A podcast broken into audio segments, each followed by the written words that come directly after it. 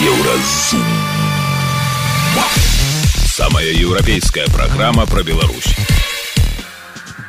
Вітаю, гэта праграма Еўразум. І самыя важныя падзеі сэнсы серады 15 лістапада. Чым рэжыму Лукашэнкі не дагадзіў Дунін Марцінкевич. Цяжка сказаць, ці даюць загады з Масквы забараняць нацыянальныя нейкія сегменты ў беларускай культуры, але логіка ўжо той улады, якая існуе ў Беларусі, яе філасофія, калі можна так назваць гэтыя падыходы, палітычныя канцэпты, яны цалкам каланіяльнага кшталтуе. Хадзем са мной на шопінг. Навошта беларусы пачалі звяртацца да стылістаў. Я хочу сказать, что когда я была в Минске, с одной стороны, мне кажется, там вообще вопрос а, одежды, он для большинства людей сложный вопрос. Чаму ў мінскіх секонд-хендах растуць цэны? Яшчэ два гады таму я спакойна купляла сям'і рэчы паштучна, гэта было танна. Пра гэта ды іншае больш падрабязна цягам бліжэйшай гадзіны. Еўразум. Беларусь у еўрапейскім фокусе. У Беларусі прызналі экстрэмісцкімі творы класіка беларускай літаратуры Вінцэнта Дуніна Марцінкевіча. Бачыце, зусім не трэба хадзіць на пратэсты ці працаваць у незалежных медыа, каб рэжым Лукашэнкі прызнаў цябе экстрэмістам. Дунін Марцінкевич жыў у 19 стагоддзі, пісаў творы на актуальныя тэмы, меў свой тэатр, які абуджаў нацыянальную свядомасць беларусаў.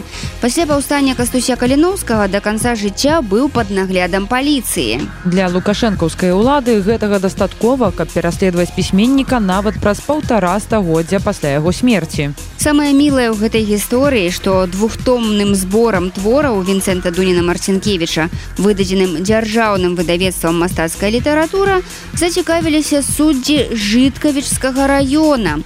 Гэта яны чыталі вершы, п'есы і публіцыстыку пісьменніка і вырашылі забараніць яго чытаць беларусам. Пра гэтую гісторыю ў эфіры еўрарадыё наш рэдактар зміцер Лукашук пагутарыў з палітолагам Паўлам Усавым. Добрый день, спадар Павел. Вітаю.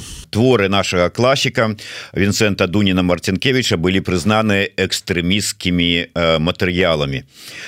Что за этим стаіць вот як вы оцениваете эту всю ситуацию? Ведаеце ўжо на гэтую тэму столькі каментавалася і даваліся ацэнкі нават некалькі месяцаў таму калі былі забаронены калі вершы марцынкевича дуніна марцынкевича нашага славутага пісьменніка былі прызнаны экстрэміскімі зараз дайшло ўжо да кнігазбораў да ўсіх ягоных твораў. Ну гэта сутнасць той сістэмы якая ўзнікла пасля двадцатого года ў беларусі. То бок яе ўнутраная трансфармацыя да тоталітарызму калі знішчаецца і забараняецца уся альтэрнатыўная думка ідэя дзейнасць нават на ўзроўні просто вось такога такой духовнай альтэрнатывы там філасофіі літаратуры. на грамадскай думкі ўсё гэта тое што не ўпісваецца ў канцэпт афіцыйную дактрыну ідэалогію чаго не можна скарыстаць для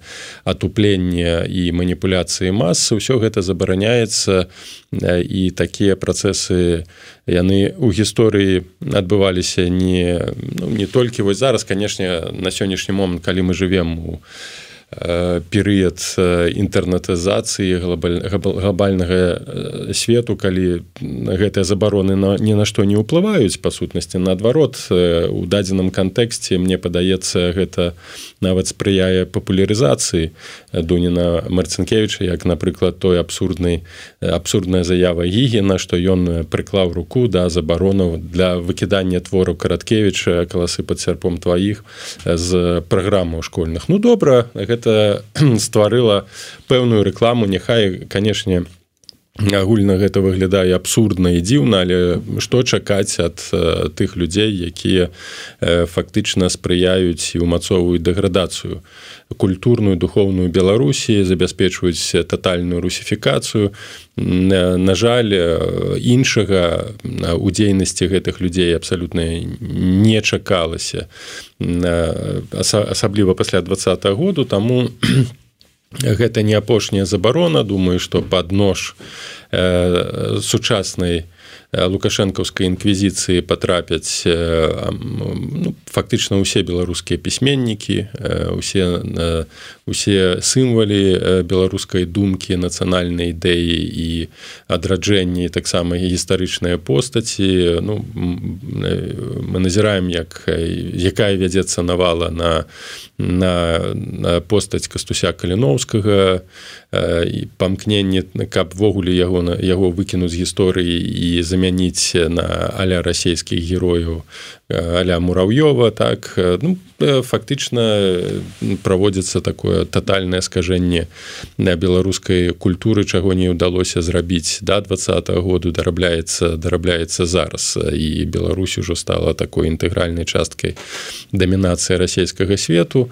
Я спадзяюся толькі на тое што вось гэтыя забароны як з чаго я пачынаў прыцягнуць увагу на беларусаў просто вось гэта тое што робіць таталітарная аля таталітарная сістэма ў беларусі наадварот падштурхне беларусаў да таго каб больш знаёміцца з творамі беларускіх пісьменнікаў беларускай літаратуры каб больш укараняць узмацняць нацыянальную думку і свядомасць на індывідуальным зараз узроўні бо казаць пра тое што не нешта можна супрацьпаставіць на ўзроўні сацыяльным грамадскім зараз вельмі цяжка. А вось на індывідуальным узроўні чытаць гэтыя кнігі у інтэрнэце перадусім бо вядома што зараз нават за захоўванне гэтых кніг можа можа можна сутыкнуцца з рэпрэсіямі але тым не менш ўсё ж такі не адмаўляцца і по прынамсі чытаць прынамсі ведаць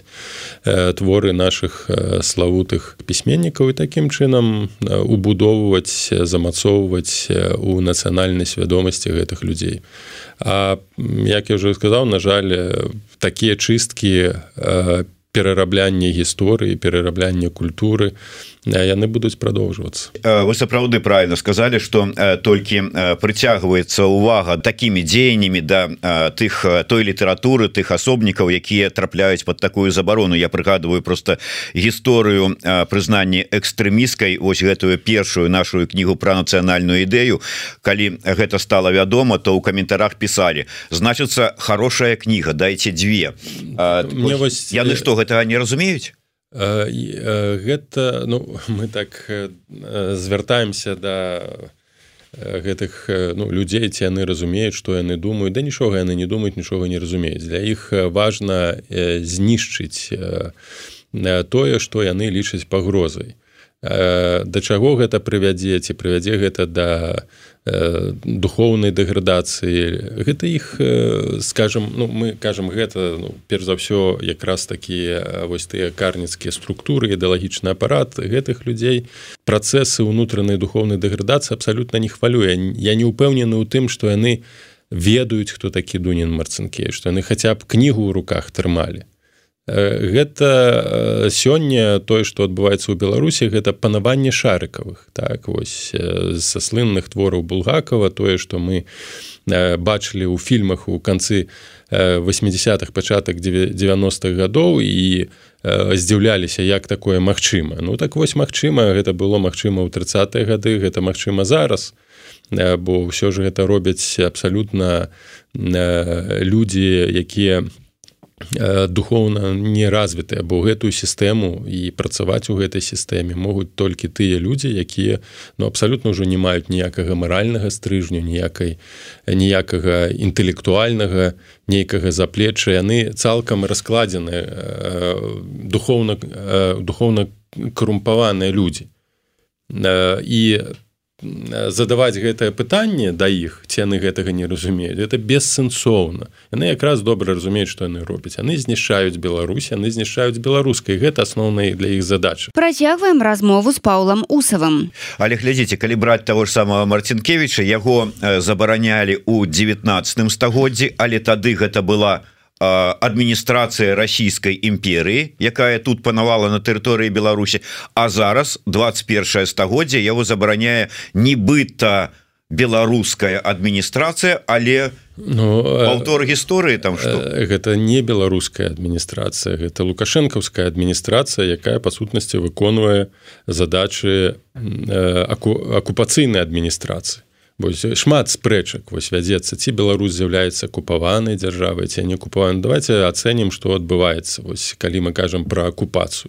І параўна вы добрае параўнанне зрабілі з расійскай імперыі калі Беларусь стала часткай э, э, была перыферыі калоніі расійскай імперыі. Праводзілася каланіяльная палітыка вынішчэння э, і беларускай царквы уніяцкай 30 сороквыя гады насаджванне праваслаўя і знішчэнне беларускай мовы беларускай літаратуры ввогуле ганебнае стаўленне да беларускай мовы як да мужыцкай як нейкай мовы якая сапсаваная польскай мова гэта частка расійскага народу і трэба вяртаць у родную гавань так?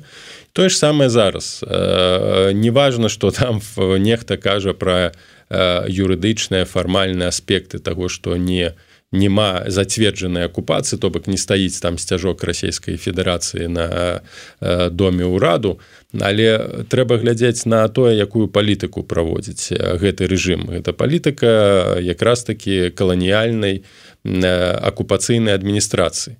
Калі мы прасочым напрыклад скажем так званыя нацыянальныя там дыктатуры калі яны існавалі дзесьці там у лацінскай Амерыцы ці ці нават у Еўропе тая ж Іспанія ці Португалія там якраз такі гэтыя наратывы нацыянальныя ўзмацняліся так гэта была умоўна кажучы вось такая аўтарытарызм нацыянальнага кшталту. Зараз я не прыхільнік ніякага ні не не нацыянальнага не антынацыянальнага аўтарытарызму адразу паясняю просто кажу. Нават на такім узроўні параўнаў параўнальным аўтарытарызму. Гэтая же гэтая ж сістэма яна па сутнасці з'яўляецца сістэмай каланіяльнага падпарадкавання. Яна цяжка сказаць ці даюць загады з Масквы забараняць нацыянальныя нейкія сегменты ў беларускай культуры але логіка ўжо той улады якая існуе ў беларусі яе філасофія калі яна можна так назваць гэтай гэтыя падыходы палітычныя канцэпты яны цалкам каланіяльнага кшталту. Гэтая адміністрацыя выконвае просто ўжо вось тыя праграмы якія былі закладзены раней ось у свядомасці у падыходах шаві... расійска-шавіністычнае выняшчэнне ўсяго беларусках і канешне можна сказаць что гэта частка вось ну, наўпрост акупацыйная адміністрацыя адміністрацыя якая праводзіць палітыку вынішчэння беларускага і фактычна узмацнення расійскіх уплываў у у нацыянальнай свядомасці. Гэта ж адбываецца паглядзіце на ўсіх узроўнях не толькі я кажу пра забароны а пра святкаванні абсурдных святаў як сёмага лістапада так усіх там прыбіраюць у гэтыя гальштукі піянерскія ў формы са сцяжкамі камуністычнага кшталту. Ну дарэчы ленін гэта экстрэміст па ўсіх тых падыходах і той філасофіі якую сёння прапагуе у прапагуе лукашэнкаўскі рэжым як Павел, то не ёсць вы не понимаете это другое. Іншы экстрэмізм іншага кшталта да, это норма это правильно это правильно. І фармаванне экстрэміскае правільнае стварыў а тут вот другое. Ну як жа я і калі тут усхваляюць расійскую імперыю і тут же усхваляюць іншай рукой тых людзей якія гэтую расійскую імперыю пахавалі. Ну добра гэта ўжо мы разумеем пра што тут вядзецца гаворка бо аб аперацыя это больш няма на што толькі на вось гэты савецкі экстрэмізм савецкую э, кастрыраваную рэвалюцыю так на э, з, з, з гэтымі ідэямі. Ідэямі-ввогуле бо ад ідэі сацыяльнай дзяржавы і ідэі камунізма то лукашенко адмовіўся. У нас жа зараз такі алігархат псеўдакапіталістычнага тыпу. Ён сам жыве як як цар так? Цар бацюшка а ніяк запаведваў ленін так быць скромным і аддаць усё пралетарыяту. Гэтага ж не адбываецца. Пралетарыят як быў нявольніцкі так і застаўся. Яго эксплуатуюць. Толькі зараз ужо такая э, напоўбандыцкая алігархія павязаная з з лукашенко так абсурд леніна стаіць. Колькі у нас памятнікаў помнікаў леніна па розных падліках каля ста. Хіба найбольш помнікаў ва ўсім свеце ў белару нешта мне падаецца что болей калі браць браць там па у кожным жа райцэнтры стаіць ну, пра помніка я ўжо не кажу пра бюсты.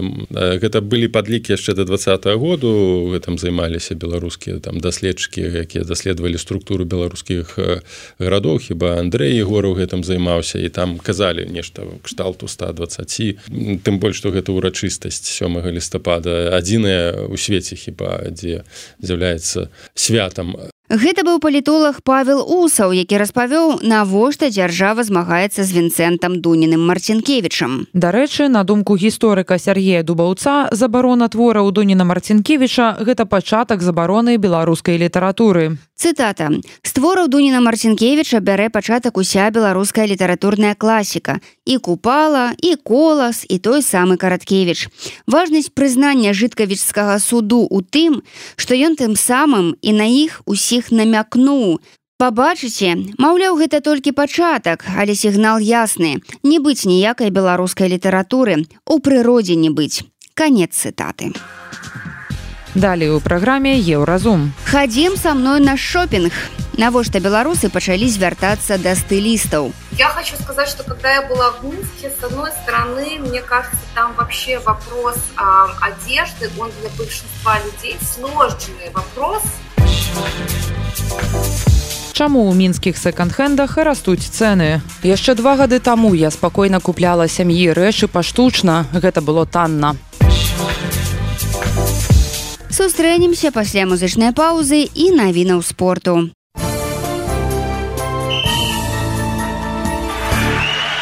На еўрарадыё навіны спорту міжнародны алімпійскі камітэт рэкамендаваў нацыянальным алімпійскім камітэтам не ўдзельнічаць у гульнях сяброўства ў рассіі любы ўдзел у гэтым турніры супярэчыць рэкамендацыям мак прынятым пасля пачатку вайны рассіі супраць украіны. Таксама ў мак мяркуюць што такі ўдзел не адпавядае калектыўнай мэце алімпійскага руху захаванню незалежнасці аўтаномнасці спорту. Арганізатар спаборніцтваў міжнародная асацыяцыя сяброўства з'яўляецца палітычнай арганізацыяй якая фінансуецца ўрадам рассіі падкрэсліваюць у мак. Першыя летнія гульні сяброўства пройдуць верасні 2024 года. Зімовыя ў сочы не раней за 2026 такое рашэнне прыняў прэзідэнт россии владимир путин у гэтыя ж гады павінны прайсці летнія зімовыя алімпійскія гульні. Беларускія спартоўцы плануюць удзельнічаць у расійскім турніры. а На афіцыйным сайце УЕФА 15 лістапада прэзентавалі афіцыйны мяч чэмпіянату Еўропы 2024 года. 17 чэмпіянат Еўропы па футболе пройдзе ў Геррманіі. Матч адкрыцця адбудзецца ў Мюнхене, а фінал у Берліне. Адборачны турнір еўра 2024 стартаваў сакавіку 23 года. Ён працягнецца год. Фінальная стадыя першынства запланаваная на перыяд з 14 чэрвеня па 14 ліпеня 2024 года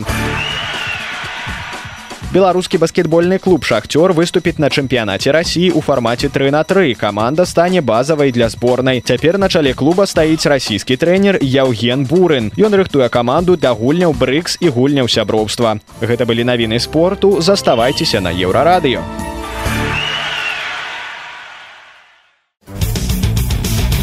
Еўразум. Жыві ў рытме еўропы. у За апошнія тры гады персанальны і фэшн-стыліст Ганна прышывалка пажыла ў трох сталіцах. Разам з мужам, музыкам гурта разбітае сэрца пацана Дзянісам Тарасенкам і сынам яна пераехала з мінска ў Кіў, а з Кіева з пачаткам вайны давялося з'ехаць у варшаву. Цяпер Ганна дапамагае беларусам і беларускам разбіраць свае гардэробы, выкідаць непатрэбнае і знаходзіць тое самае. Пара крызісная, ні часу, ні грошай на бяздумны і бязлітасны шопінг няма. Таму мы папрасілі Ганну, каб яна дала парады, як сабраць базавы гарderоб і супакоіцца. Слухаем рэпартаж еўрарадыё. Вось такая прыемная тэма. З чаго пачаць фармаваць свой новы гарderоб. Наша суразмоўніца персанальны і фэшн-стыліст Ганна прышывалка кажа, што пачынаць трэба з разбору наяўнага гардероба. То бок з тых рэчаў, якія ў вас ужо ёсць. Хаця не, яшчэ раней трэба разабрацца са сваімі відамі дзейнасці. Ганна з кліентамі літаральна складае дыяграмы, на якіх пералічвае іх усе. То бок ну вось чым вы займаецеся. Ходзіце на працу, на прагулянку, на вечарынкі, ездзіце ў падарожжа, гуляйце з дзецьмі. Магчыма, мы пералічылі далёка не ўсё. Цяпер вызначце, колькі часу займае ў вашым жыцці кожны з гэтых відаў дзейнасці. Зрабілі? Адпаведныя працэнты ў вашым гардэробе павінны займаць рэчы для кожнага з гэтых відаў дзейнасці колькі часу ў жыцці сыходзіць на вечарынкі столькі ж і сукенак для вечарынак вам патрэбна не болей я стараюсь всегда когда человек уже обратился ко мне как стилисту сделать какой-то первый созвон разобраться потому что у всех немножко бывают разные запросы а, да и я всегда ну, не настаиваю но подвожу человека что нам прежде всего нужно разобраться с тем гардеробом который уже имеется и это есть два варианта э, работы. Если человек находится здесь, в Варшаве, то я прихожу к нему домой, и мы прямо все разбираем, собираем новые луки. А, есть варианты онлайн, но он так немножко не так глубоко позволяет мне проникнуться, но тоже такой вариант есть, и, в принципе, он вполне рабочий. Вот. И очень часто в процессе такого разбора гардероба во-первых, знаете, как люди иногда бывают за вещички, так, и плюшкины немножко, но а, работает тот момент, что расчищая пространство, ты открываешь место для того, чтобы в него вошло что-то новое. Очень часто такой взгляд со стороны, профессиональный взгляд со стороны позволяет человеку по-другому взглянуть на себя. То есть он вроде как-то покупал вещи интуитивно, ты к нему приходишь и говоришь, слушай, ну ты же вещи собираешь абсолютно, например, я очень люблю с архетипами играться. Говорю, ты же посмотри, ты тебя абсолютно вот в таком архетипической, и вот стиль у тебя такой, и вообще вот ты похожа там по типажу там с какой-нибудь селебрити, и у человека появляется такое вдохновение, он вдруг и на себя, и на свой гардероб начинает смотреть немножко другими глазами. Вот. И уже чем хорошо, так, хорош такой подход, что мы составляем шопинг-лист, и уже шопинг, который 99% людей не любят, страшно не любят, но уже потом шопинг со стилистом, с шопинг-листом, он немножко другой эффект производит, потому что это уже, я еще стараюсь делать предшопинг, чтобы уже с человеком идти, скажем так, э, тоже целенаправленно. Вось вам здаецца, што гэта ўсё лішнія расходы, але насамрэч, калі з розумам падыходзіць да фармавання гардэроба, гэта можа значна сэканоміць грошы. Ганна кажа, што часам, калі нармалёва разабрацца з тымі рэчамі, якія ўжо ёсць у шафе, нават не прыйдзецца набываць нешта новае. Разам са сваімі кліентамі яна пачынае з фармавання капсульнага базавага гардэроба. Гэта не абавязкова, але звычайна палягчае жыццё, бо у вас дакладна не будзе сітуацыі, калі ну увогуле няма чаго надзець зранку. Дастаткова, каб у такім базавым гардэробе было 10 рэчаў: штаны, джинсы, спадніца, футболка, кашуля, шведар, адна сукенка, дзве пары абутку і паліто. І гэта павінны быць максімальна простыя, зручныя рэчы ў простай каляровай палітры, чорны, белы, шэры, у кагосьці сіні ці карычневы. Гэта падмурак. Калі ў вас ёсць класічныя чорныя штаны, з імі можна пагуляцца. Калі яны зялёныя ці чырвоныя, будзе складаней. Дарэчы, гуляцца з вобразамі можна адразу ў прысутнасці стыліста. У меня были такие клиенты, которые и чаем тебя напоят, и вы как-то вначале и поговорите, и какой-то у вас сразу. И потом вы окунаетесь в гардероб, вы начинаете эти примерки, что-то, и это превращается в какое-то творчество, когда вы вместе творите, идет фидбэк, идет какой-то восторг, и чем больше человеку нравится то, что происходит, я э, заряжаюсь. И вот когда это вот может происходить там на протяжении 4 четырех часов, и вы понимаете, что... И ты выходишь заряженная, то есть ты понимаешь, что вот вы прям кайфанули в каком-то побыли творческом процессе, и когда такое вот случается у меня с клиентом, я прям очень кайфую, это очень радует. И такое встречается периодически. Некаторыя кліенты Ганны зварот да стыліста звязваюць з неабходнасцю аптымізаваць час. Ну вось як нехта з нас дэлегуе вядзенне скажем бухгалтэрыі спецыяльным людзям такі разбор гардэроба таксама хтосьці перадае прафесіяналам і эканоміць як мінімум свой рэсурс увагі а хтосьці звяртаецца да стылістаў з іншых прычынаў Про іх мы таксама распыталі нашу суразмоўніцу. Наверное, да, наступает такой момент, когда у человека появляются силы и ресурс а, что-то менять в своей жизни. То есть я заметила, что очень часто вот этот вот и к стилисту тоже пойду происходит, когда человек в таком моменте, вот у него появился ресурс, обновляться, как-то работать над собой. То есть, да, в момент, когда человек там в глубокой какой-то депрессии или еще чем-то, это редко происходит. А цяпер пераходзім да важнага пытання пра бюджэт. Ганна кажа, што пасля пераезду з Беларусі ёй было даволі складана ставіць цэннік на свае паслугі, Бо не было зразумела колькі ўвогуле зараз здольныя заплаціць людзі ў сітуацыі эміграцыі. Пакуль за разбор гардэроба і складанне лукбука спіса рэчаў якія падыдуць менавіта вам то бок такой кніжачкі з якой можна будзе працягваць свой ужо самастойны шопінг ганна бярэ каля 100 долараў. За кожную гадзіну суправаджэння падчас шопінгу яшчэ каля 20 долараў Са сваімі кліентамі наша суразмоўніца не часта ходзіць у крамы прэміум класа, часцей за ўсё гэта шопінг у мас-маркеце. І ў сярэднім адна рэч там каштуе каля 25-50 долараў. Звычайна Ганна з кліентамі купляе там 4 або 5 рэчаў і таму разам усё гэта абыдзецца прыкладна ў 200 долараў. За апошнія некалькі год Ганна жыла ў некалькіх модных сталіцах. Мінску, праўдзе даволі модны горад кіеве і таксама варшаве дзе яна жыве наўпрост цяпер мы запыталіся ў ганны які з гэтых гарадоў самы модны і у чым асаблівасці шопінга у кожным з іх. Я хочу сказать, что когда я была в Минске, с одной стороны, мне кажется, там вообще вопрос а, одежды, он для большинства людей стоял как такой все-таки по большому счету сложный вопрос, Э, потому что это так или иначе для большинства была такая дорогая история. Mm-hmm. А почему? Потому что у нас, я не могу сказать, что у нас даже а, в последние годы появившийся масс-маркет, мы все равно не можем сказать, что это какая-то такая была супер доступная история, мне кажется, все равно. То есть одеться в Заре в Минске, это такой достаточно той уровень был.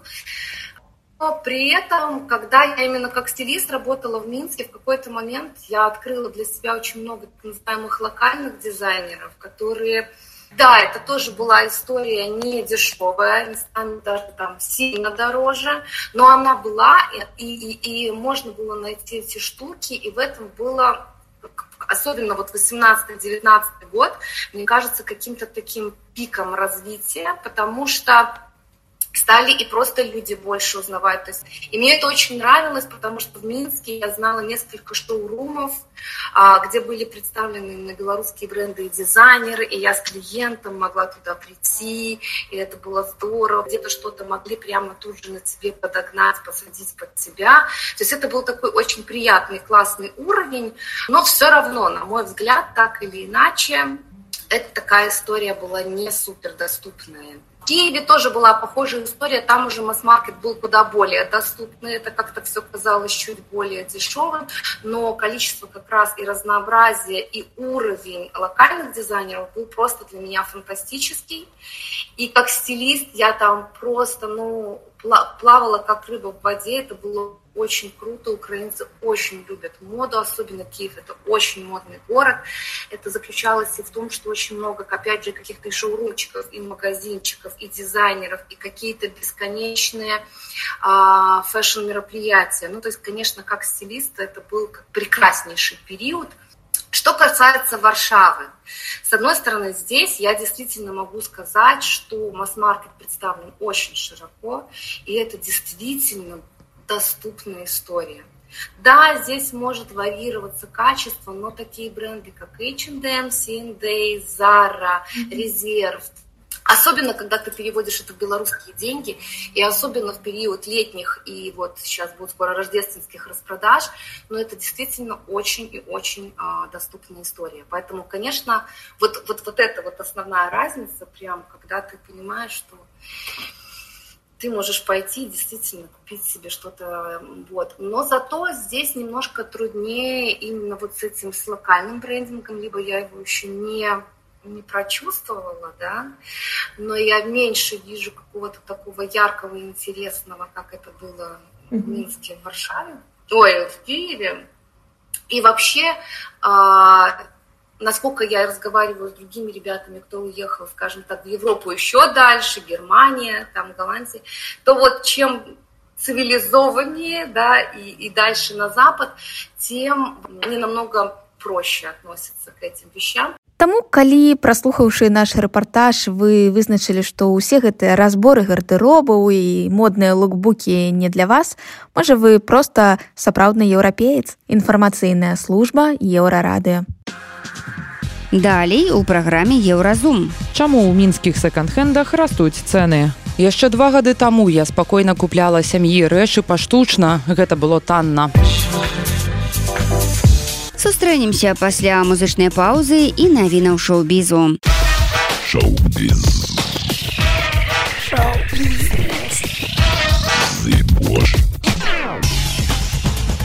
навіны шоу-бізу на еўрарадыё На наступным тыдні адбудзецца светавая прэм'ера баёпіка аб наполеоне. Сцэнар дэвіда скарпы ахоплівае тры дзесяцігоддзі еўрапейскай гісторыі дзе ваенначальнік атрымлівае перамогу ў войнах за незалежнасць і становіцца імператарам францыі. Галоўныя ролі ў кінастужцы выканалі хоакін фенікс ванесса кірбі тахар рахім ды марк бонар. Рэжысёрам стаў рыдлі скотт. У кінатэатрах наполеон пачне транслявацца з 23 лістапада. Выданне the hollywood рэпорта ўжо выпусціла сваё меркаванне адносна біяграфічнага фільма. Аўтары рэцэнзіі пішуць што нягледзячы на ўсю сваю сілу атмасферу і старанна пастаўленыя баі гэта занадта раздзьмутае гістарычнае палатно каб заставацца пераканаўчым Кім кардашьян у чарговым інтэрв'ю выданню JQ апісвае тое як тлумачыць сталеючым дзецям развод з кані вестам зорка рэаліці шоу пагрузілася ў цяжкасці разрыву свайго шлюбу і ўплыў які яе бацька ўсё яшчэ аказвае пасля смерти развод ніколі не бывае лёгкім для дзяцей. Я сказала ім што вам нельга ніколі пераходзіць на адмоўны бок паведаміла кім. Па яе словах калі расстаюцца сусветна вядомыя людзі кожны рух якіх аналізуецца і фіксуецца таблоідамі сітуацыя становіцца яшчэ больш непрыемнай. Кардашьян і уэст уперш упершыню падалі на развод у 21 годзе. Пара мае чацвярых дзяцей У аўторак адзначалася 75годдзя караля чарльза трэцяга. Манарх адсвяткаваў падзею ў дзіткоце невялікім мястэчку у оксфордшыры з каралевай камілай. Першымі верталёт іх вялікасці які перазямліўся на палях школы аўрэус сустрэла група дзяцей. Нягледзячы на дажджлівае надвор'е каролі каралева прывіталі вучняў некаторыя з якіх павіншавалі яго з днём нараджэння. Было цудоўна бачыць наколькі энергічнымі былі хлопчыкі і дзяўчаткі бо гэта была фантастычная магчымасць паглядзець на караля і каралеву бліжэй распавяла дырэктар школы. Манаршая пара прыбыла ў харчовы адукацыйны альянс паўднёвага оксфордшыра для ўдзелу прэзентацыі нядаўна абвешчанай дабрачыннай ініцыятывы коронation food project У будучай кінастужцы модзе беларускага жывапісца хайма суціна згуляў ірландскі актор райан макпарланд. Пра гэта ён распавёў у сваёй садсетцы. Модзе гэта біяграфічная драма пра італьянскага мастака і скульптара амадея мадзельяні якая павінна выйсці на экраны ў хуткім часе. Фільм распавядае пра два дні з жыцця экспрэсіяніста якія сталі для яго паваротнымі. Рэжысёрам карціны выступае актор прадюсар музыка джоні дэп ролю мадзельяні выканаў італьянец рыкарда скамарча гэта былі навіны шоу-бізу. Заставайцеся на еўрарадыё.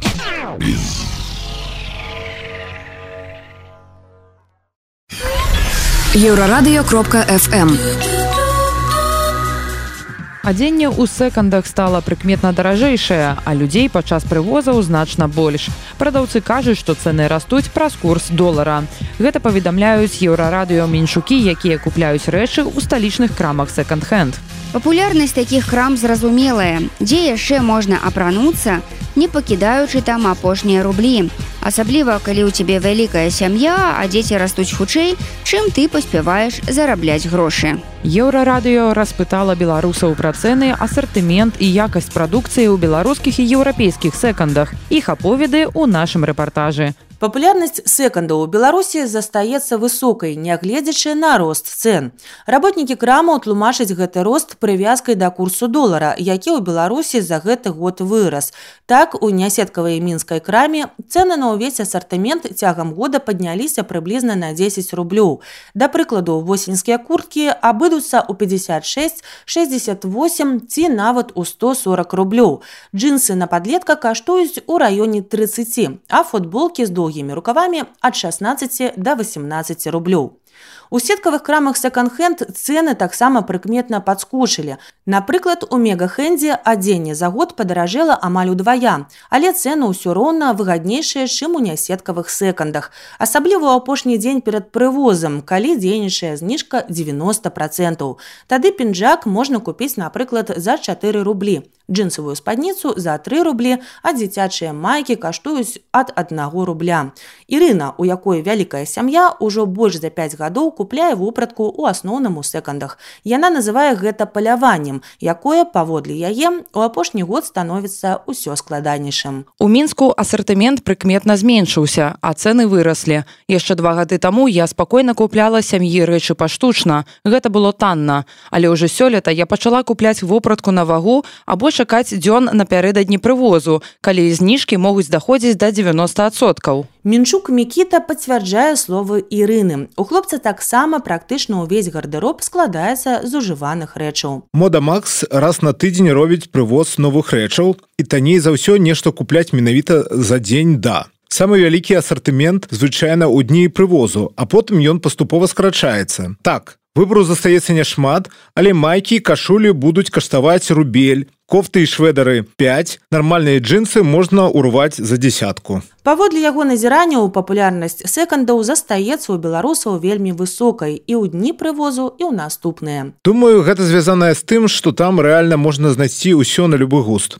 Весь мой лук адтуль Хіба што з абуткам бываюць праблемы. У некаторыя дні прывозу праходзяць сапраўдныя штурмы сталічных гандлёвых пунктаў, а ў гомелі нават дзяжурыла міліцыя. Каб знайсці ў Беларусі люкс, трэба пастарацца. Алексей жыве ў літве, але любоў да рэчаў секонд-хендаў у яго з'явілася яшчэ падчас навучання ў мінскім універсітэце. Асноўная прычына іх таннасць і магчымасць купіць нешта нестандартнае. На думку хлопцаў у секандзе можна знайсці ўсё любых формаў, колераў і эпох. Я заходзіў секанды практычна кожны тыдзень. Некалькі з іх былі каля універсітэта, таму па дарозе на пары часцяком туды зазіраў. Стараўся выбіраць рэчы, якія мне падабаліся, асабліва не звяртаючы ўвагі на бренды. У студэнцкія гады хлопец не мог дазволіць сабе занадта шмат траціць, таму яго сярэдні чэк складаў каля 10 рублёў. Калі сума была большай, потым даводзілася эканоміць на чымсьці іншым. Суразмоўца адзначае, што беларускія секанды славяцца сваёй кантраснасцю. Асартымент найшырэйшы, аднак большая частка рэчаў неякасная ці не вельмі модная. Але калі задацца мэтай, то адшукаць прыгожую ці нават люксавую рэч можна, асабліва ў дні прывозу. На пошукі патрэбен час. Пасля эміграцыі Алексей стаў прыкметна радзей выдаткоўваць грошы на адзенне, але ў літоўскія секанды час ад часу зазірае. Розніцы з беларускімі крамамі ён практычна не заўважыў. У плане асартыменту наяўнасці брэндаў і цэн усё гэтак жа як у Беларусі. Для літвы цэны абсалютна прымальныя, ва ўсякім разе ў разы таннейшы, чым у мас-маркетах. Хіба што я не сустракаў крам, якія працуюць на вагу. Тут у кожнай рэчы свая цана. Магчыма, на вагу выйшла б танней, але цэны і так прыемная. Галоўнай асаблівасцю рынку секонд-хенд у літве Алексей называе наяўнасць онлайн-крам. Рэчы можна выбраць і замовіць з магчымасцю дастаўкі на дом па такой жа цане, як у звычайных секонд-хендах. Напрыклад, нядаўна я сабе купіў новыя арыгінальныя чаравікі ад фірмы доктор Мартинс. У тры разы танней, чым яны каштуюць у афіцыйнай краме. У Беларусі ж такіх онлайн-крам не было.